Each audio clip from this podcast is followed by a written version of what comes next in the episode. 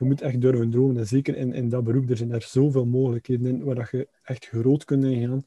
Dat, dat, ik echt zou zeggen tegen alle studenten van droom groot en, en probeer die droom ook uh, na te leven.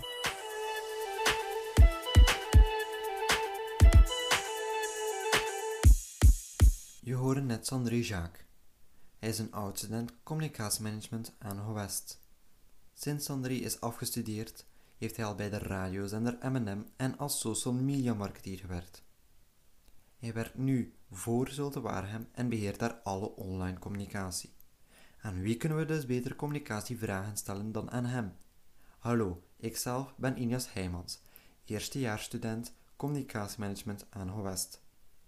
In deze podcast hoop ik al je twijfels weg te nemen of communicatie wel iets is voor jou.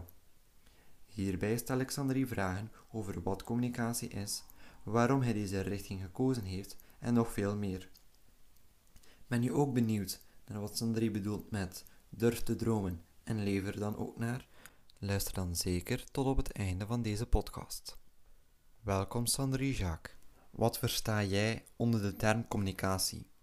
Ik heb nu al verschillende jobs gedaan binnen de communicatiewereld. En dat is eigenlijk één iets, dat, heel belangrijk dat ik geleerd heb. En dat is eh, dat communicatie niet zomaar is zoals dat we het in middelbaar zijn aangeleerd, zeg maar. dat er een zender en een ontvanger is.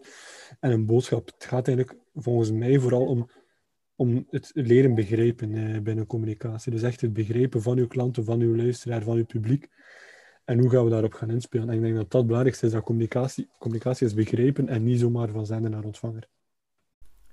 Jij hebt natuurlijk ook op een bepaald moment moeten kiezen wat je ging gaan studeren. Maar wat was jouw droom en wat is uiteindelijk effectief de realiteit geworden? Wat ben je gaan studeren? Wel, uh, eigenlijk was het niet mijn bedoeling om voor de communicatie te kiezen. Het was zo, uh, eigenlijk van jongs af aan was mijn grote droom om, uh, om sportjournalist te worden. En mooi zou het niet zijn om drie weken in Frankrijk te gaan vertoeven om de koers te gaan uh, verslaan of op een wereldkampioenschap ergens in Brazilië. Ja, dat was eigenlijk mijn grote droom. Maar als je ouder wordt, uh, dan gaan je ogen ook soms een beetje open en, en dan, dan besef je eigenlijk van oei, misschien is dat een te enge keuze in sportjournalistiek. En zijn er daar te weinig mogelijkheden, want de kans is veel groter natuurlijk, procentueel gezien, dat je een verslag moet gaan schrijven voor de krant van de wedstrijd van Poel Capelle bijvoorbeeld, dan dat je effectief in Brazilië op het wereldkampioenschap de Rode Duivels aan het volgen bent bijvoorbeeld. En daarom heb ik dan ook de keuze gemaakt voor communicatiemanagement, omdat dat toch nog wat maar, binnen die sector viel, uh, binnen die communicatie.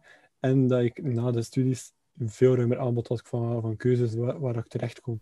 Een paar van mijn docenten hadden mij verteld dat je heel graag bij M&M werkte, maar je bent er uiteindelijk gestopt. Uh, hoe komt het? En hoe ben je dan uiteindelijk bij Zulte Waregem terechtgekomen? Um, ik ben daar gestopt. Waarom? Omdat bij M&M was ik uh, als entryman aan de slag. Hè. Dus uh, ik werd ingeschakeld op, op drukke momenten. Dat was, bij, bij, sommige maanden was dat, dat ik daar iedere dag zat van de week. Uh, of weekenden. En uh, ja, andere maanden was het dan bijvoorbeeld maar één week in de maand bijvoorbeeld. Dus echt zekerheid had ik niet, maar dat was niet echt het grootste probleem. Maar allee, ik kreeg dan de kans om uh, bij Zoutwaregem aan de slag te gaan, mijn huidige werkgever.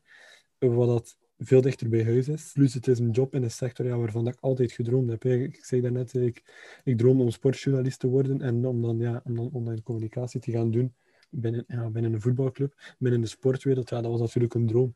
Dus, uh, dus voor mij was de keuze heel snel gemaakt om dan uh, de overstap te maken van, uh, van M&M naar, naar Zotwaregem. Wat was je functie bij M&M en wat moest je dan precies doen? En zie je overeenkomsten met je werk van M&M en nu je werk bij Zulte Waregem? Ik was online content creator. Alle social media posts voor M&M gaan maken binnen het DNA, binnen de stijl van M&M. Dat ging dan over memes, maar ook over websiteberichten, over over zaken die gebeurd waren binnen de mediawereld, binnen de entertainment sector. En dan ook andere online content bij radioshows zelf. Dus bijvoorbeeld bij een ochtendshow, bij een avondshow, de online content te gaan voorzien. Uh, er zijn dingen die inderdaad het, uh, overeenkomstig zijn. Uh, dus dat gaat ook, allee, als je dan kijkt... Um, toen bij M&M maakte ik bijvoorbeeld websiteberichten over, ik zeg maar iets, Adele die een nieuw album brengt. Nu zijn dat bijvoorbeeld de websiteberichten over iemand die, die uit blessure komt, zeg maar het soort content is soms wel hetzelfde. Ook um, zoals bij M&M waren er momenten, zeg maar eens bij een ochtendshow tussen 6 en 9, waarbij dat je iets meer content moet brengen, uh, waar je een piek ziet in je content. dat is ook zo bij, bij, mijn job nu. Als, als er een wedstrijddag is, gaan we veel meer content gaan brengen dan op niet-wedstrijddagen. Dus dat is wel wat uh, overeenstemmig. Je studeert natuurlijk wel op een gegeven moment af. En vond je daarna eigenlijk tamelijk snel je droomjob? En heb je hier en daar een paar moeilijkheden gehad bij sollicitatiegesprekken? Om je op je eerste vraag te beantwoorden, het is niet meteen dat je een droomjob uh, terecht kunt. Uh, het is heel belangrijk. Er zijn zaken zoals timing, denk ik, connecties en geluk. Um, timing, ja, je moet gewoon geluk hebben. Allee, er zijn mensen die, eh, eh, collega's van mij, collega's studenten geweest, alumni, die ook solliciteren op verschillende posten, maar die dan niet, niet binnen geraken. Is dat omdat ze minder kwaliteiten hebben? Nee, absoluut niet. Maar ja, heel vaak hangt het af van timing. Wanneer ga je gaan solliciteren? Uh, ja, welk moment is jouw cv in die mailbox gekomen? Uh, hoe, hoe ziet jouw cv eruit en dergelijke? En daarnaast, ja, connecties. Ik denk, um, ik heb nu drie jobs ondertussen gedaan, effectief na mijn uh, studies. Um, als uh, digital marketeer bij Ago Jobs en HR, ja, dat was door connecties dat ik daar ben terechtgekomen, door mensen die ik kende, die, die daar mijn cv op tafel hebben gelegd. Bij Zotwaardigem was dat net hetzelfde. Ik ben al, uh, ben al vier jaar jeugdtrainer bij de club. Ik had er ook wel wat connecties binnen de club en dan, dan gaat die bal aan het rollen. Dus connecties is heel belangrijk. En ik denk dat, dat binnen de opleiding, dat ze daar heel veel op focussen. Bepaalde docenten meer dan andere. Maar er zijn docenten die daar echt wel op focussen. En dan denk je soms als jonge gast van, ja, dat zal wel. waarom moet ik mijn LinkedIn onderhouden? Waarom moet ik connecties hebben? Maar op het moment dat je dan op zoek gaat naar een job, is dat zo belangrijk. En is de kans nog groter dat je sneller aan, uh, aan uw ideale job kunt geraken.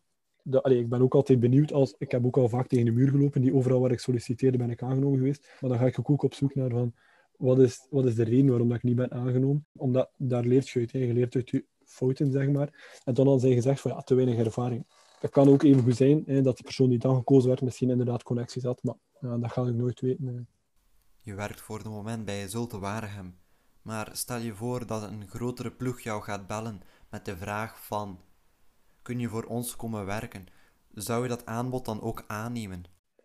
Ik vind het mooi dat je de vraag stelt, omdat ja, we zijn geen grote club, maar ja, als, je, als je twee keer de beker van België al wint in de laatste... Allee, we, bestaan nog maar 20 jaar, we hebben al twee keer de beker van België gewonnen, we zijn al een keer vice-kampioen geweest.